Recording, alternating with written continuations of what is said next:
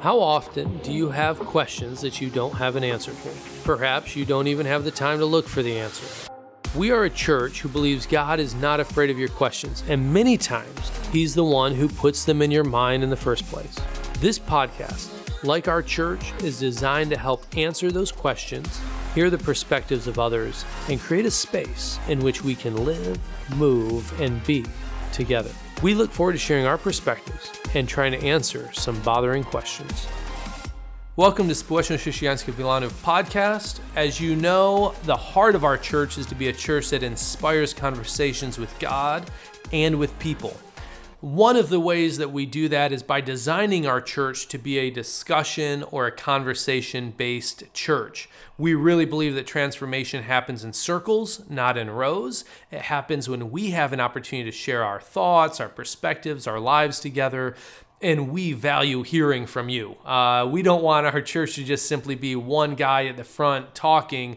We want to hear from you. What has God been doing in your life? How has He been inspiring you? And so, this podcast is actually designed to help you do that better.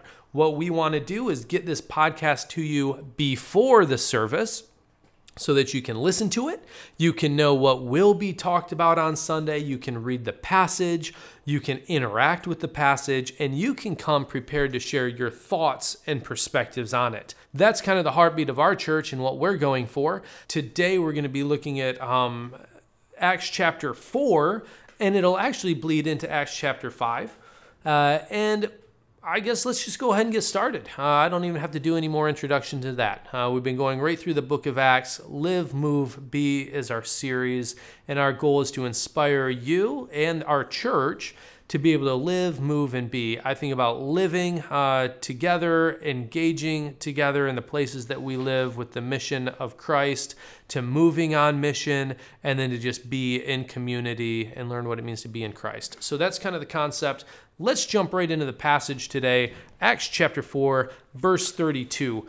The believers had just prayed before this. Uh, I'm just going to give you a little catch up They've just prayed before this. They prayed for boldness. And the reason they prayed for boldness is because they have been threatened by the temple uh, courts.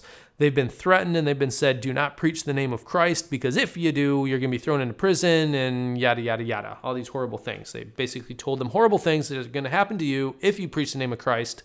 But instead of praying for protection, these men and these women came together and they prayed for boldness that no matter what the cost is, we are going to preach the name of Christ because that is the most important thing that people need to hear. So now here we are, verse 32. All the believers were one in heart and in mind. No one claimed that any of his possessions was his own, but they shared everything that they had. With great power, the apostles continued to testify to the resurrection of the Lord Jesus, and much grace was upon all of them. There was not a needy person among them. For from time to time, those who owned lands or houses sold them. They brought the money from the sales, they put them at the apostles' feet, and it was distributed to anyone who had need. Joseph, a Levite from Cyprus, whom the apostles called Barnabas, which means son of encouragement, sold a field that he owned, brought the money, and put it at the apostles' feet. This kind of ends chapter 4. One of the things you may know uh, is that the Bible originally was not broken up into chapters and verses. This came many, many, many years later uh, as a way to kind of easily find places in the Bible. Uh, really, all of this was just one letter. And so when you read the end of chapter 4, it really should be connected to the beginning of chapter 5. It's all really one thought because now we're going to get into a couple called Ananias and Sapphira, and you're going to actually see the connections that they have. Let me drop you back in a little bit to a conversation we had a few weeks ago on the high group uh, mentality and the way in which this church functioned. The culture themselves was a group mentality, almost a collective thinking in which it wasn't individualistic. Uh, your most important group in that culture was your family, and the most important relationships that you had in that culture was between brothers and sisters. It was a sibling relationship, it wasn't your spouse relationship, it was actually the relationship you had between your brothers and sisters. Those were the most important. Um, those were the most important relationships. And as a group focused person, you ask not what is best for me, but rather what's best for the group. So all of the decisions that were made was run through a cultural lens of what is best for the group. It's very hard for us in our Western culture to read a passage like this because our culture has taught us about the individual. Look out for number one. These are some of the thoughts that we have. Um, and really, we become an individualistic society. Uh, sometimes our relationships with our parents or brothers and sisters may not be that strong. Our strongest relationships are the spouse. We may move thousands of miles away. And that's just really our culture. Uh, the goal of our culture raise your kids to be independent and to send them out. Hopefully, they'll find a nice spouse and they're going to live on their own independently. That was not the goal of the early church the goal of this culture in the New Testament world was we are going to stay in community, we're going to be connected. Um, big decisions who am I going to marry? That was already determined uh, for the most part. Uh, what am I going to be when I grow up? Those were already pretty much determined. You're going to be what your dad was. Uh, where am I going to live? Well, you're going to live down the street or in the house that's actually connected to your parents' house. Uh, it was a very high group mentality. So when you read this chapter, what you're reading here is what was completely natural for them. Uh, this was completely natural. They were looking out for the interests of the group, and the group had changed. It had gone from being just immediate family to now being this spiritual family of brothers and sisters who are connected to Christ. And it's a powerful way to look at it when you begin to read the rest of the New Testament because literally 100 over 160 times you're going to read the phrases brother or sister. That was the highest relationship. So this is what you read here. All of them have everything in common. They're sharing with whatever uh, whoever has need. And they're doing this not because it's weird but because that was the culture that they had was high group mentality make sure everybody's needs are provided. Quite different from our world today how do we go back to that? Should we go back to that? My perspective is we need to go back to that a little bit more, but we'll never get fully there. Uh, the worst thing that has happened to church is that it's a collection of individuals. Uh, we all come to church with our own individual goals, our own individual dreams. We don't really think about the community as much as the individual. So, this is that. Um, now, what we're going to read with Ananias and Sapphira is a couple of people who actually came in with an individual perspective. So I'm going to get back to reading chapter 5. Uh, let me just finish it up uh, with chapter 436, just really quickly repeat. Joseph, a Levite from Cyprus, whom the apostles called Barnabas, you're going to know him. He'll be further along in Acts, which means son of encouragement. He sold a field he owned and he put all the money and he put it at the apostles' feet. Now there was a man named Ananias who, together with their wife Sapphira, also sold a piece of property. With his wife's full knowledge, he kept back part of the money for himself, but he brought the rest of it and he put it at the apostles' feet. Then Peter said, Ananias, how is it that Satan has so filled your heart that you have lied to the Holy Spirit and you kept yourself some of the money that you received for the land? Didn't it belong to you before it was sold? After it was sold, wasn't the money at your disposal? What made you do such a thing? You have not lied to men, but you lied to God. When Ananias heard this, he fell down and he died. And great fear seized all of those who heard what had happened.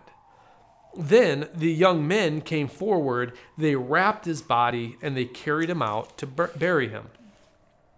About three hours later, his wife came in, not knowing what had happened. And Peter asked her, Tell me, is this the price that you and Ananias got for the land?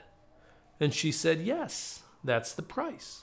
And Peter said to her, How could you agree to test the Spirit of the Lord? Look, the feet of the men who buried your husband are at the door, and they'll carry you out also. At that moment, she fell down at his feet and died.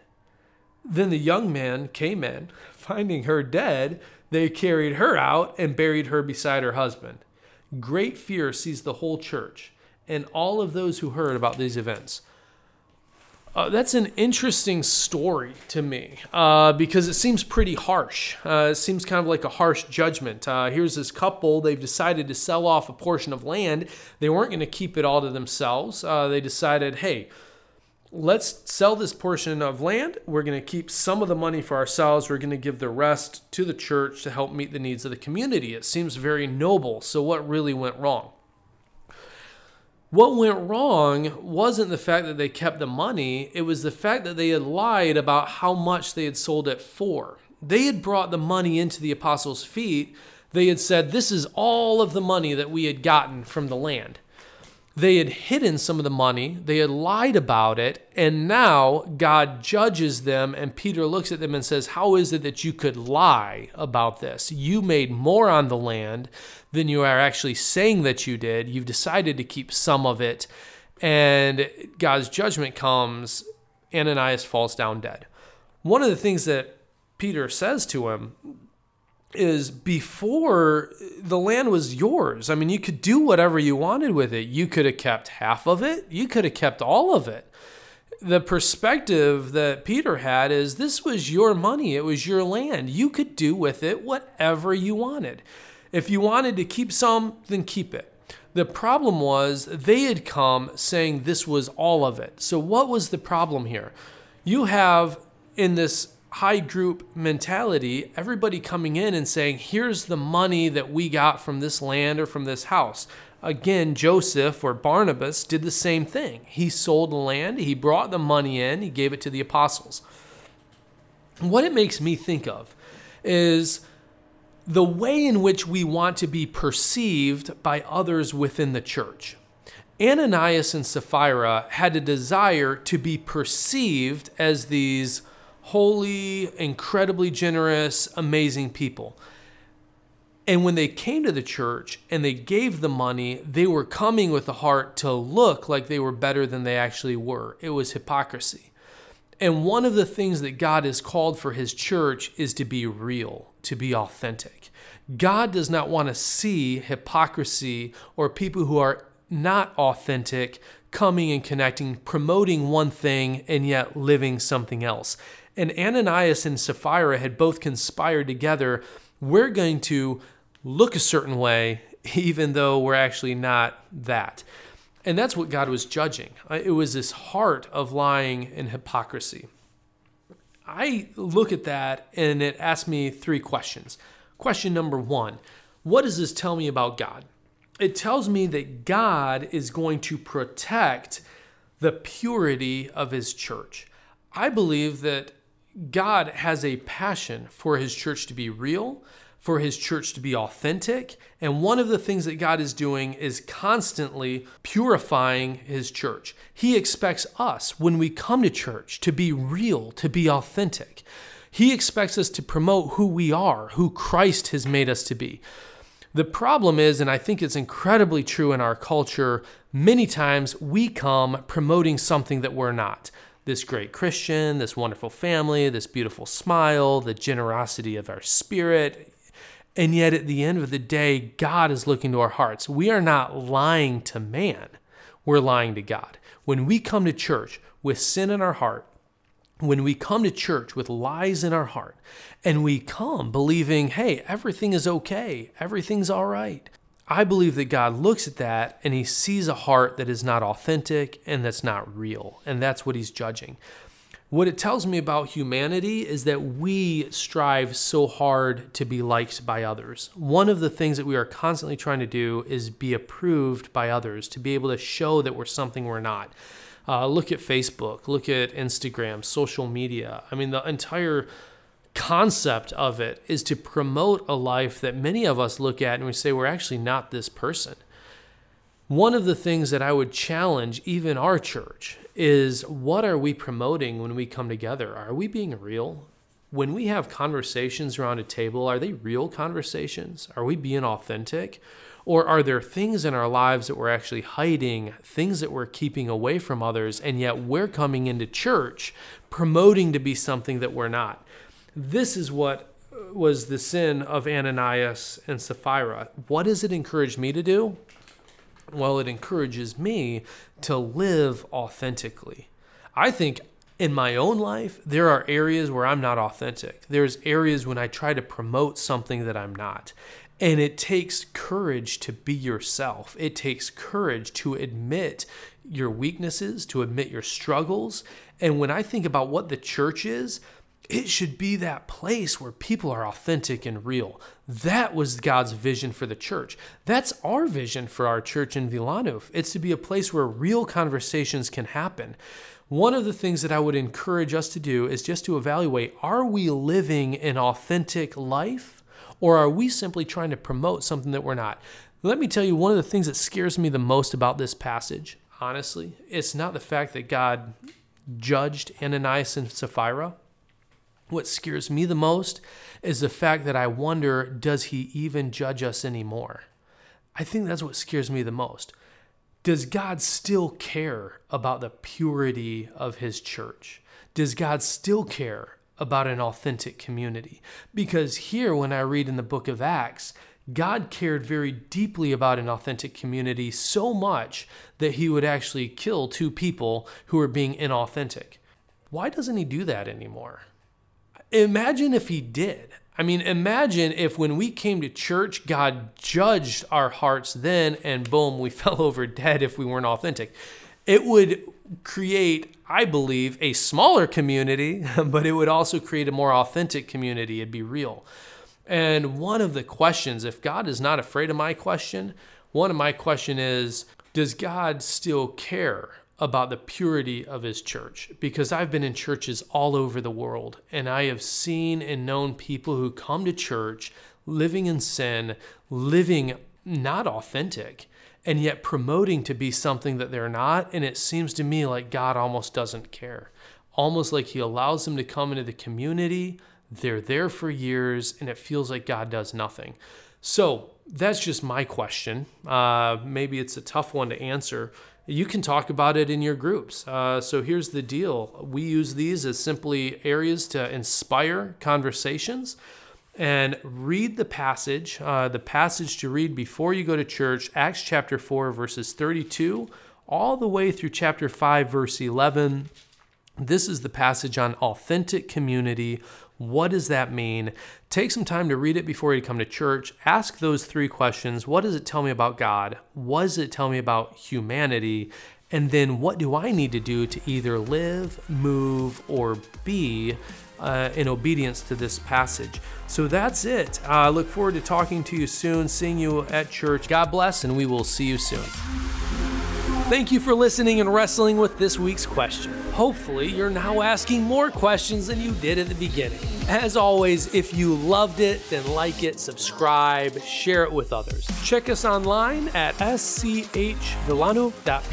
We would love to have you join us on Sunday mornings at 9:30 to go deeper with this question and to share your own perspectives. So live, move, and be, and never stop sharing your bothering questions.